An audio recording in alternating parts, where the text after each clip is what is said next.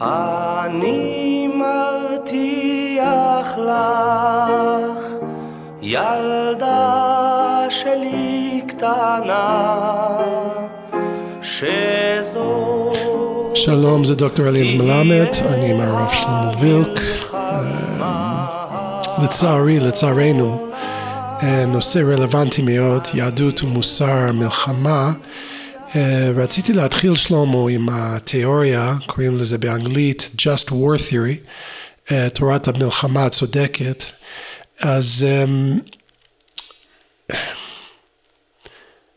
התכונה המרכזית של תורת המלחמה הצודקת היא הכיוון שלה לצמצום המספר והיקפה של המלחמות התיאוריה מניחה באופן כללי יש להגביל באופן משמעותי הן את העילה ליציאה למלחמה והן את תקיפה ועוצמתה.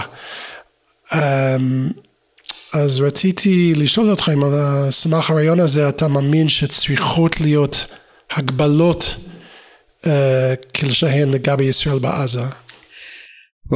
אה, טוב, אני בדרגת סרן בלבד בצבא, אז אני לא אעז לדבר על החלטות טקטיות או, או ודאי לא אסטרטגיות, אבל אה, אולי שוב נתחיל רגע אה, בשלב אחד קודם, רגע לפני המלחמה. בזוהר מתוארת דרמה שדיברנו עליה בפרק על אלימות, שבה רצה הקדוש ברוך הוא לברוא את העולם במידת הדין, ראה שאינו יכול להתקיים, עמד ובראו במידת הרחמים. עכשיו פשט הדברים שבעולם של דינים, מי שלא ראוי, מי שלא עושה את מה שצריך, מי שלא עושה בדיוק את מה שנדרש, חמת הדין ניתחת עליו, כאילו הוא, הוא מושמד. כלומר, אין מקום לחוסר בעולם, בעולם של דינים. אין מקום לכשל, לכישלון. אין מקום לחרטות, כן? מידת הדין היא מידת הדין, ייקוב הדין את ההר.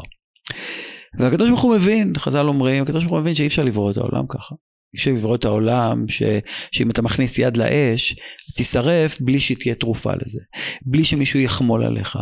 בלי שאם טעית במשהו, שזה לא אוטומטית הגיליוטינה תכרות לך את הראש, כמו שקרה אצל היעקובינים בצרפת, או אצל uh, הגולאג הסטליניסטי. או מה שלא יהיה. Uh, ואז הקדוש ברוך הוא, והזוהר מתאר על המדרש הזה, שהקדוש ברוך הוא החליט לקחת את הראש של הדין. מה זה ראש הדין? כלומר, הקדוש ברוך הוא בחר לקחת את ההצדקה של, ה, של הדין. כלומר, לקחת את ההצדקה העליונה, להשאיר דינים בעולם, אבל רק ברובד המעשי שלהם, ולא ברובד האידיאולוגי שלהם. כלומר, כאילו אין הצדקה, ל, ל, ל, אין הצדקה עליונה, אין שכל, אין ראש לדין, אלא יש לו רק גוף. יש לו רק פעולה שהוא פועל מול המציאות, כן? ו, והראש ניתן למידת החסד. כלומר, ההצדקות הן רק לחסד. והדין לפעמים מתערב בתוך החסד ומגביל אותו, משתתף בו, מנסה להתערב בו וכולי וכולי. שזה בעצם לעשות downgrading אה, אה, לשטן. בהתחלה השטן היה אידיאולוג. הוא היה לא מתכוון לשום דבר, באמת לא מתכוון אפילו ברמז, הוא היה יושב ראש בית המשפט העליון, הוא היה נשיא בית המשפט העליון של האלוהות, שהוא עומד בדין ויקוב הדין את ההר. והשטן ירד ממנגינה, עכשיו מה קורה, ל, מה קורה לדין בלי ראש? הוא נהיה אלימות. נכון, עכשיו אלימות שהיא בשירות החסד, אז זה משטרה, זה צבא, זה יס"מ, נכון, הרי בצבא אין אידיאולוגים, אסור שיהיו אידיאולוגים. מי שהאידיאולוג זה המדינה. נכון? מי, מי שמפעיל את הצבא ואת המשטרה, כן, זה, זה הצד של החברה, זה הצד שיותר של חסד, הצד הפוליטי, ולא הצד האידיאולוגי. אם היינו נותנים במשטרים צבאיים, כשניתן, כן, אז ה, ה, ה, ה, פתאום צומח הראש מחדש לאלימות, וזה נורא ואיום.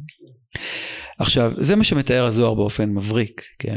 עכשיו, מה שקורה הוא שבעולם שלנו יש הרבה אנשים שחושבים שהם מנסים לבנות את הראש ולבנות את הדין, אבל בעצם הם מצדיקים את האלימות ולא עולים למידת הדין העליונה.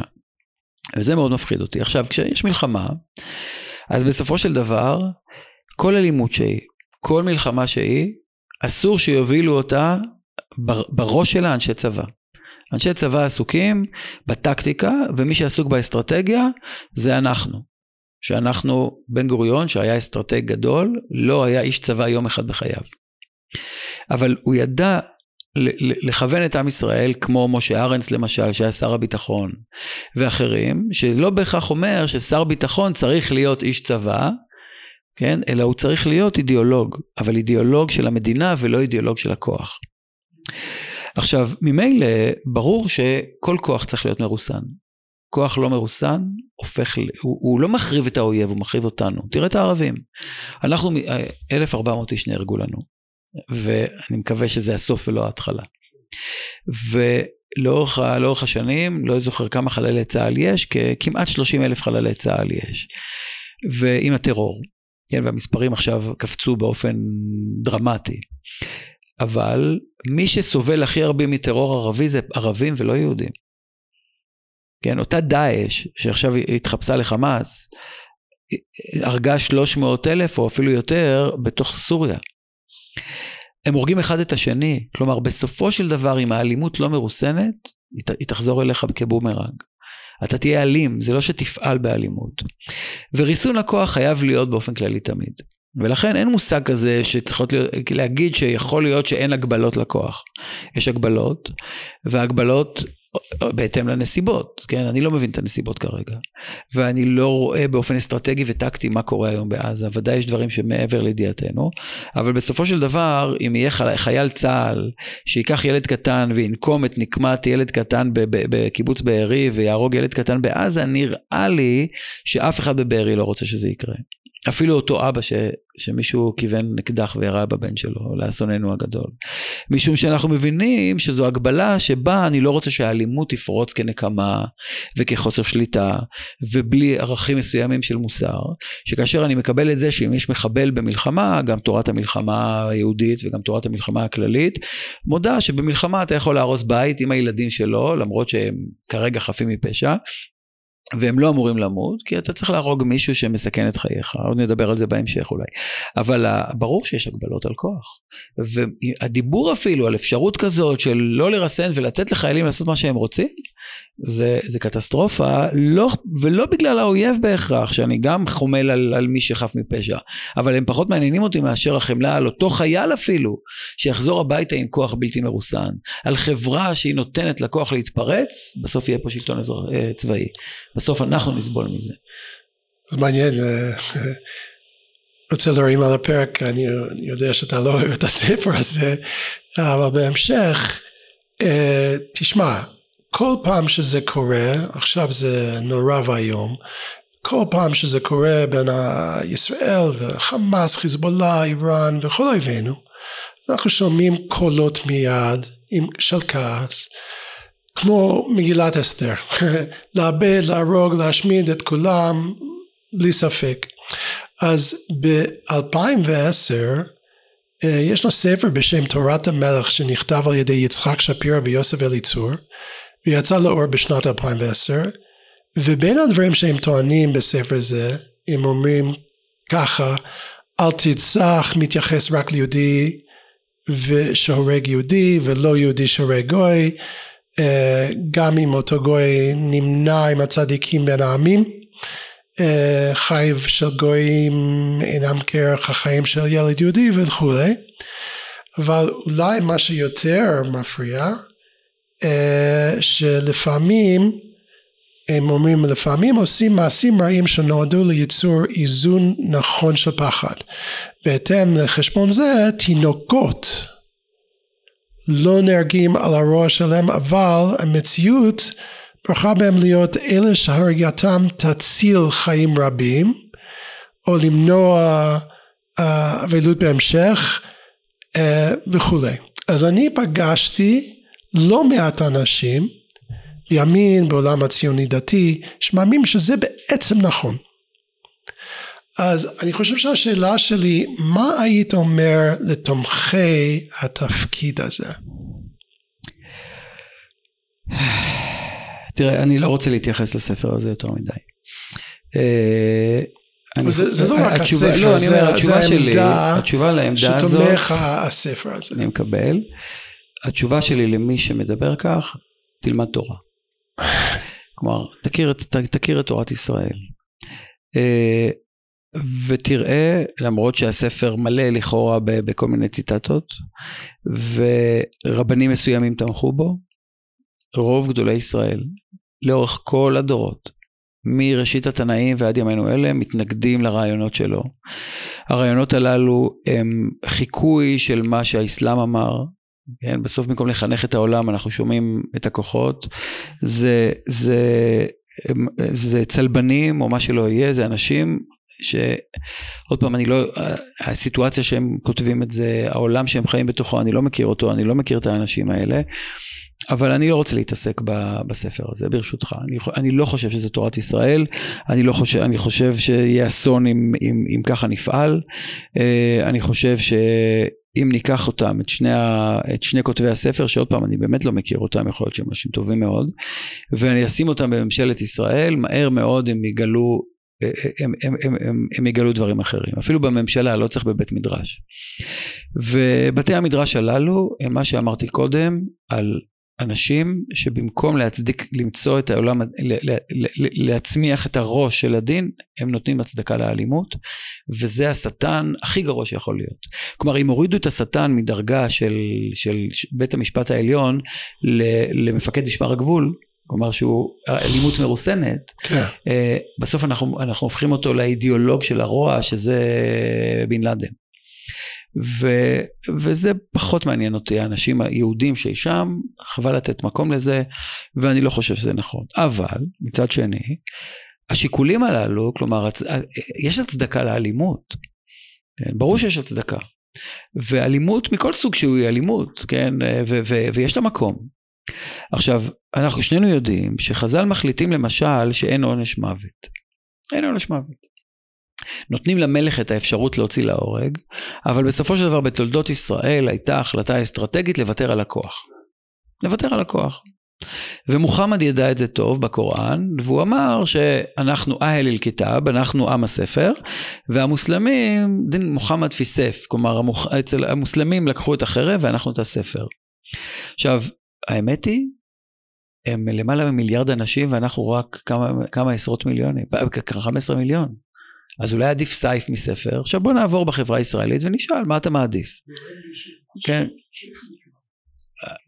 אבל אני, אני, ואז השאלה גדולה, בוא נשאל כל יהודי מה אתה מעדיף, בוא נלך לאושוויץ, בוא נלך לטרזינשטט, בוא נלך לטרבלינקה, בוא נלך ל... ל... ל... לסיביר, ונשאל את אה, אלו שהיו שם בשבויים או אסורים, אסירים של אה, סטלין, ובוא נשאל יהודים בכל הגלובוס, מה אתה מעדיף, שיהיה לך טוב או שתהיה טוב? זו השאלה. שיהיה לך טוב ואז תיקח חרב, או שתהיה טוב ואז תיקח ספר. רוב היהודים יגידו, אני מעדיף להיות באושוויץ מלהיות באס-אס. אני מקווה שכך יגידו. עכשיו, יכול להיות שברגע נתון, אם תהיה שם בשואה, יכול להיות שתעדיף שם. אנחנו מכירים את אירופה, אירופה, ואני בלי, בלי ביקורת. אבל כששואלים אותי, כשאני בעולם נקי כרגע, בעולם, אני מעדיף להיות יהודי, ישראלי, שרצחו לו 1,400 מהאחים שלו, מאשר להיות שייך, אפילו אם אני מתנגד לזה, להיות שייך לעם שרצח את ה-1,400 האלה. עכשיו, ממילא, מי שמבקש להחזיר לנו את הסייף, ככוח, ככוח שבעזרתו אנחנו שולטים, ככוח שבעזרתו אנחנו מגיבים, בלי שיש מאחוריו מוסר, בלי שיש מאחוריו ספר, בלי שיש מאחוריו היסוס של רגע, אפילו שיש עליו מחירים, אני לא שם. אני מעדיף להיות טוב מאשר להיות טוב, גם אם המחירים הם כבדים, מאשר שיהיה לי טוב. עכשיו, אני רוצה שיהיה לי טוב, וברוך השם טוב לי. כן, הדרום פרח כל כך הרבה שנים. תחת, תחת uh, קטיושות ותחת קסאמים ותחת הכל. מדינת ישראל, שנינו חיים בעולם משגשג, בעולם יהודי משגשג, אנחנו רוצים שיהיה לנו טוב, אבל אנחנו יותר רוצים שנהיה אנשים טובים. גם במחיר הזה. וזאת, זה צריך להיות המודוס אופרנדי שלנו. כן, זה צריך להיות מנגנון ההפעלה של צה"ל, כן? ועכשיו בוא נילחם. עכשיו בוא נתקיף. עכשיו, אבל הריסון צריך להיות בהבנה לא רק של העולם, כמו שאמרתי, אלא שלנו. ולכן הספר הזה, שבעצם מעודד את האלימות ורואה בה ערך עצמי, הוא, הוא, הוא באמת גורם לי הר, הרבה כאב, כאב לב. כן? איך יכול להיות ש, שכך כותבים יהודים? ואני מבין שכשאתה, יכול להיות שהם הם, איבדו אנשים, יכול להיות שהם כבר לא יכולים יותר, יכול להיות שדי כבר, הם איבדו את האמונה. אני לא. ההבדל, לגמרי אה, בין אנשים באושוויץ, בגולאג ואנחנו, זה העניין של המדינה. אבל המדינה באה עם כל מיני בעיות ושאלות וזה מעניין אה, לקרוא מה שהרב קוק כותב באורות. אין דבר, אומר אין דבר כדאי ליעקב לעסוק אה, בממלכה בעת שהיא צריכה להיות דמים מלאה, בעת שטובת כישרון של רישה עד שיגיע הזמן המאושר שבו ניתן יהיה לנהל מדינה בלי רוע וברבריות הוא אומר. Um, מעניין האם אתה רואה את האמירה הזו uh, נאביד ולא מציאותות like it's, it's naive right? You could say בצד אחד זה נאיב uh, או בסופו של דבר נכונה אם זו אמירה נכונה של ערכים יהודים ואז אם אי אפשר לקיים מדינה אה, יהודי ללא אלימות ושפיכות דמים במיוחד אם אויבינו לא משתתפים פעולה אז uh, מי יכול להיות צודק ולא צודק? כן, זו שאלה גדולה, אפשר לקרוא את מקיאוולי ואפשר לקרוא, כן, מה, מה תפקידה של המדינה. אני חושב שהמאה ה-17 גאלה את המדינה. הקמת ארצות הברית ב-1776 עם החוקה והקמת הרפובליקה הצרפתית ב-1789 עם כל מה שקרה אחר כך, עם העבדות ועם מלחמות האזרחים ועם היעקובינים בצרפת ומה שלא יהיה, בסופו של יום הדמוקרטיה כשיטת ממשל צנועה, מצומצמת, מרוסנת על ידי הקהל, הצליחה להשיג בעיניי, עוד לא הגענו לסוף, עוד לא הגענו לשלמות, אבל מאז שנוסדו מדינות דמוקרטיות, לא נלחמו שתי דמוקרטיות אחת בשנייה. לא הייתה מלחמה בין דמוקרטיות. אלא אם כן תכליל, תהפוך את רוסיה לדמוקרטית היום, אבל קשה להניח, נכון? עם פוטין. ואז כאילו רוסיה ואוקראינה היום. אבל באופן כללי, הדמוקרטיות נלחמות בדיקטטורות, נלחמות ברוע. הברבריות, יש ברבריות, הייתה ברבריות בווייטנאם, הייתה ברבריות אצל חיילי צה"ל, הייתה ברבריות אה, בהרבה מקומות, אצלנו אני חושב שהייתה פחותה מכל הברבריות, אבל עדיין הייתה, אבל בסופו של דבר המדינה המודרנית היא גאולה גדולה לפוליטיקה. ואז ממילא כשהרב קוק מסתכל ואומר עם ישראל קם מחדש כמדינה בתקופה שבה המדינה מרסנת את הכוח היא כבר לא אלימה וברברית כי יש לה מנגנוני בקרה יש לה בית משפט יש לה יועצים משפטיים לפה ולשם ולכאן ולכאן ולכאן יש לה יחסים בינלאומיים היא שייכת לאומות המאוחדות. עכשיו יש לנו ביקורת על הכל, יש לנו ביקורת על השופטים, ויש לנו ביקורת על היועצים המשפטיים, ויש לנו ביקורת על האו"ם, ויש לנו ביקורת על בית המשפט הבינלאומי בהאג, ויש לנו ביקורת על כולם. אבל בסופו של דבר בזכותם, אפשר להקים מדינה במאה, במאה ה-20 והמאה ה-21, ואם המדינה דמוקרטית, והיא באמת דמוקרטית, הכוח שלה מרוסן, והיא בסוף תביא הרבה יותר טוב מאשר רע, פח, פחות ברבריות ויותר מוסריות. וכשאנחנו מסתכלים באופן כללי על זה, אנחנו רואים שהעולם העולם הנאור המערבי היום, כמו שדיברנו בעבר, מצרפת, האומות הגדולות, איטליה, צרפת, גרמניה, ארצות הברית, אנגליה, המעצמות של העולם החופשי, ה-G8 נגיד כאיזה, כן, שמונה המעצמות הגדולות בעולם איתנו. ובמובן מסוים, בסדר, נכון, סין נגדנו, היא דיקטטורה. כן, איראן נגדנו, מצוין, אני שמח שהם אה, נגדנו, סימן שאני צודק. כן, כלומר, כאשר אני רואה מולי את הרוע, כן, אני רואה את פוטין ש, ש, שפתאום אומר לנו, תעשו שלום ומלחמה זה דבר לא יפה, אני מבין שאני צודק. אבל מה שאמרת לפני חמש דקות, ומה שרב קוק אומר, המחיר להיות מדינה, וזה לא להיות uh, בין uh, אנשים שמקבל את האלימות, זה להיות בין אנשים שנותנים אלימות, והוא אולי זה לוקסוס, אולי זה, אולי זה נאיב, והוא לא היה, כמובן לא היה בהקמת המדינה, אבל האם הוא באמת אומר שזה לא כדאי המחיר, אם המחיר של המדינה להיות בין האנשים שהולכים you know, למלחמה והורגים אנשים וזהו? אה, אני חושב שלקחת את הרב קוק באופן נאיבי מדי. אה אוקיי. זה יכול להיות כי הרב קוק באמת היה הרבה פעמים אה, ברוך השם נאיבי מאוד אבל אני חושב שהבאורות הרב קוק מתאר שהקדוש ברוך הוא ביטל את המדינה היהודית בגלל שהדרך היחידה לשרוד הייתה אם כולם כמו שהוא אומר שם באורות המלחמה זאבים אז אתה גם חייב להיות זאב. אז ויתרנו, אמרנו אנחנו מוכנים להישחט רק לא להיות זאבים. כך כותב הרב קוק. בעולם שבו אתה יכול להילחם ולהתמודד מול הרוע באופן שאתה לא הופך להיות זאב, באופן שאתה, עם כל הכאב שבזה, אתה נותן לאסירים בכלא ביטחוני, אסירים שהיו מחבלים, אתה נותן להם אוכל ושתייה, ואתה נותן להם לימודים בחינם, ואתה, כן, עם המחיר שאנחנו כן. משלמים על זה, יחיא סינואר, מנהיג החמאס, גדל בכלא הישראלי. כן, ובעסקת שליט הוא שוחרר ותראו מה קרה. אבל מצד שני, לא הפכנו להיות זאבים.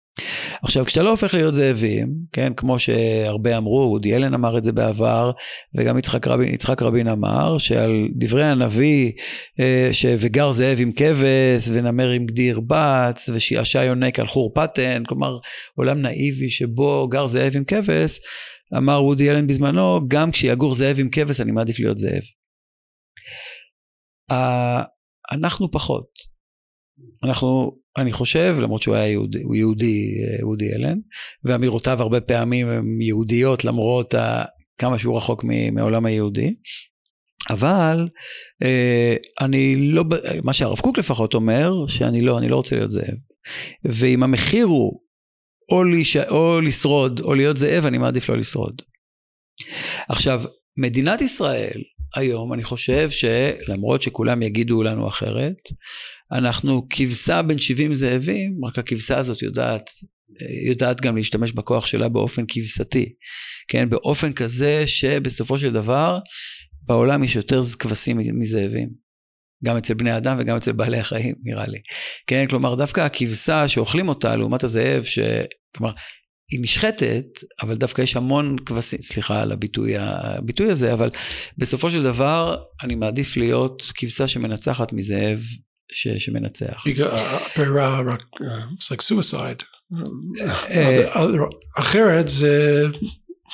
אבל זה נכון, אבל כמו שאנחנו יודעים שחז"ל אומרים גזירתך קשה מגזירתם, משום שפרעה גזירתו הייתה להרוג את כולם. המה, או פרעה, אה, סליחה, פרעה רצה להרוג את כולם, כן, אבל אה, אה, אה, צוררים אחרים שניסו לגרום לנו, כן, אם הוא רוצה להרוג אותנו נסתדר, אבל אם הוא רוצה לש, לשמד אותנו, אז זה אנחנו כבר, זה הרבה יותר קשה. ולשמד אותנו זה להפוך אותנו לזאבים, לאנשים קשים, לאנשים אלימים, לאנשים שאין בהם אמון, ואם אין אמון אין אמונה. וממילא עוד פעם, אני, אני לא נגד, חס וחלילה, הייתי קצין בצבא, לחמתי מלחמות, ילדיי לוחמים, אה, עודדנו אותם להיות לוחמים, אה, אנחנו, אה, אבל, אבל זה רק בגלל שאנחנו מאמינים, שאני רואה את הילדים שלי, אתמול ראיתי את אחד מחבריי שבנו נהרג, כן? ואתה רואה את התמונה של הילד, אתה מכיר אותו ואתה אומר, וואו, הוא היה קצין ולוחם, ואתה רואה את זיו פניו ואתה אומר, וואו, הוא הכבשה שלנו, כן? הוא השה לעולה. אז נכון, יש אנשים שאמרו, לא, הוא צאן לטבח, הוא לא עושה לעולה. כן, אבל אני, אנחנו לא צאן לטבח, אנחנו עושה לעולה. ובמובן הזה, כן, עם כל האסון הגדול שפה, uh, מה שהרב קוק טוען, אני חושב שהוא נכון, הוא רואה מדינות חדשות והוא אומר, הוא רואה את אנגליה, כשהוא תקוע שם במלחמת העולם השנייה, הראשונה, הוא רואה, את, הוא רואה את המדינות החדשות ואומר, אולי עכשיו אפשר לגאול את הממלכה מהרוע והברבריות ולהביא אותה לעולם לציוויליזציה החדשה, ואני חושב שזה הצליח יחסית. היא הרבה יותר טוב מאי פעם, וזה נכון שעוד צריך לתקן, אבל לפרוש היום, לא. אני חושב שאנחנו יכולים להשתמש בכוח, אנחנו יודעים, אני חושב שצה"ל הוא מוסרי, אני לא אוהב את המושג טוהר הנשק, אבל צדק הנשק אני כן מוכן לקבל. מוות ונשק זה לא יכול להיות טהור, אבל זה, כן, לא, אסור להכניס ברזל למקדש, כאילו להשתמש, וזה עניין, זה לא עניין של אלימות ואסור, אז אה, לדבר על טוהר הנשק יש לי בעיה, זה לא אמור להיכנס למקדש, אבל, אבל הנשק הוא צודק הרבה פעמים, ומותר להשתמש בו, וצריך להשתמש בו, וחייבים להשתמש בו כשצריך, אבל זה לא ברבריות וזה לא רוע, כן, זה, זה המקום של להיטיב לעולם על ידי זה שאנחנו באמת נלחמים ברוע. אז בהמשך יש מדרש מפורסם, כולם יודעים את זה בכל הדרבה, אה, כל מי שנעשה רחמן במקום אכזרי, סוף שנעשה אכזרי במקום רחמן. אה, ואנחנו שומעים הטעם של זה בכמה, הרבה שיחות בארץ. האם אתה באופן אישי מרגיש שהיינו נדיבים מדי לחמאס לחיזבאללה, או זה לא אפילו זה לא שכלי. טוב, שוב, זו שאלה קשה מאוד. אני לא הייתי רוצה להיות אפילו בצומת ההחלטות של, של ראשי הממשלה בישראל ובנימין נתניהו כמובן ככל כך הרבה שנים שהוא אה, אה, בראשות הממשלה בישראל להגיד אם נדיבים מדי או לא נדיבים מדי אני לא יודע.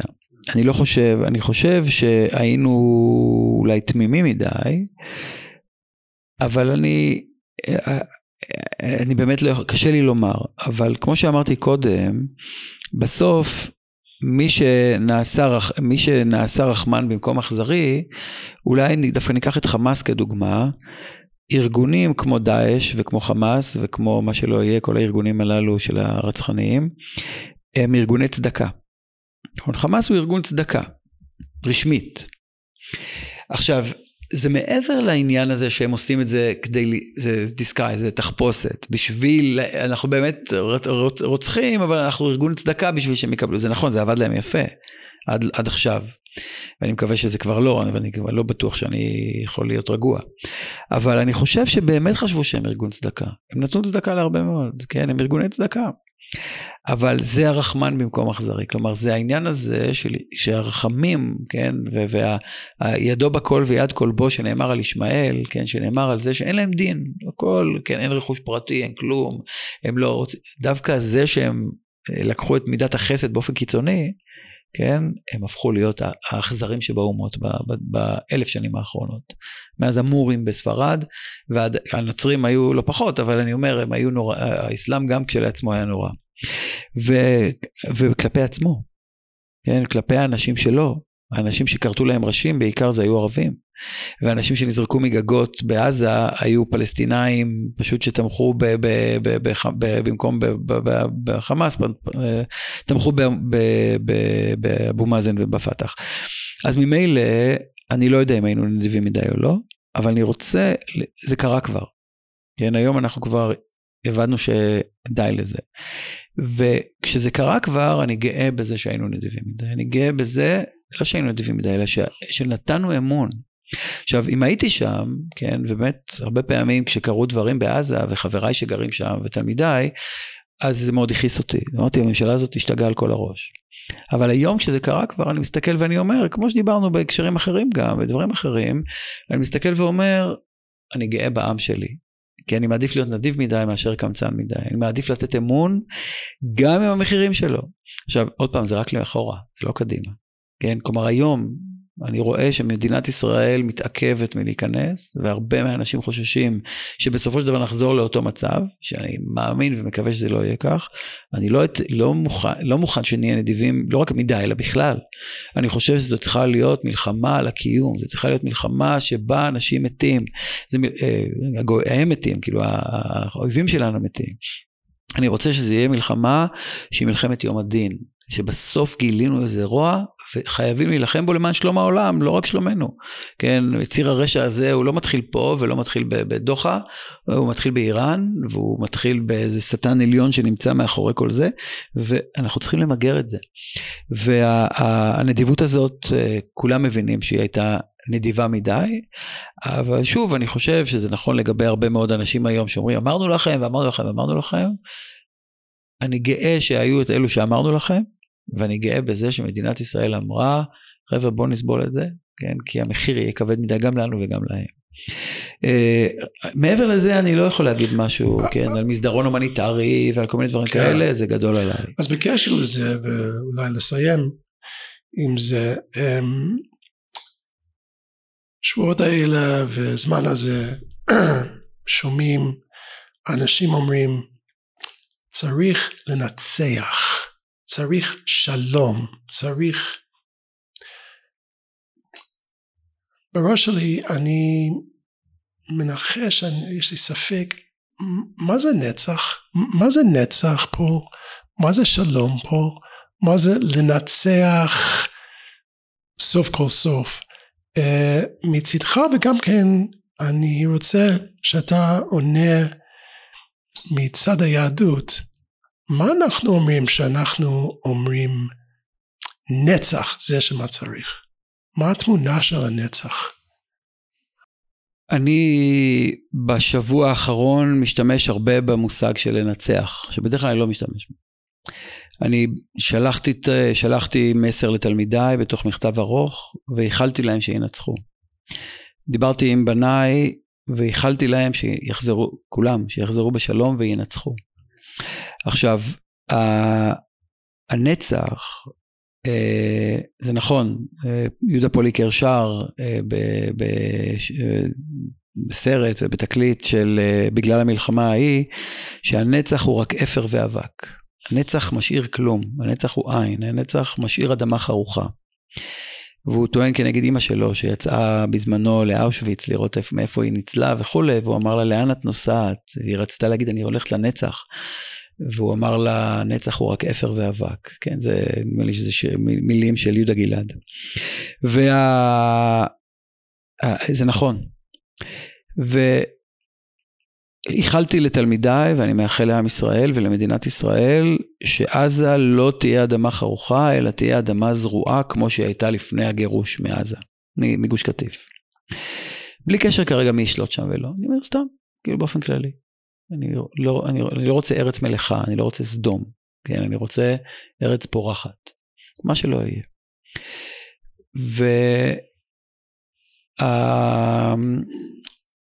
והניצחון הוא, אולי נשתמש במושג אחר שהזכרת אותו, במושג של שלום. אמרתי לך פעם, נראה לי, נראה לי בפודקאסט אחר שהקלטנו, שבאנגלית שלום זה peace. peace זה רק חתיכה. כן. שלום זה שלמות. כלומר באנגלית יותר קשה לעשות, יותר קל לעשות שלום מאשר בעברית ובערבית. כי באנגלית take a piece I will take a piece ויהיה piece. בעברית כל אחד רוצה שלמות. בערבית סלאם זה אותו דבר. ואנחנו, זה נורא קשה לעשות, של, להיות שלם ולהיות שלום עם מישהו שגם רוצה שלמות. אבל לימדו אותנו רבותינו שמידת הרחמים היא השלמות. שתיתן אמת ליעקב. לא לאברהם ויצחק המוחלטים של מידת הדין ומידת החסד, אלא דווקא הפוליטיקה, יש בתוכה פוליטיקה של יעקב, עם השקרים וכולי, אתה אומר תיתן אמת ליעקב, במובן של האחדות הזאת של שלמות שלי ושלמות שלך היא שלמות יותר גדולה מהשלמות של כל אחד מאיתנו. עכשיו אני לא יודע איך זה יקרה, אבל בעיניי הניצחון הוא אם אני אנצח ולא אשאיר מקום לצד השני להביע דעה, לפרוח. וכרגע מי שסותם את האפשרות הזאת להביע דעה ולפרוח זה החמאס שעושה את זה לערבים. ולהציל את, את הערבים מידי חמאס, שאני חושב שהרבה ישמחו לזה, והעולם הערבי ודאי, מידי כל התנועות הללו, כן, אני חושב שבסופו של דבר העולם הערבי יודע שהם אלו ש, שמורידים את, ה, את העולם המוסלמי שעולה, הם אלו שהם הכוחות שאנחנו הנציג שלהם להציל אותם מידי עצמם.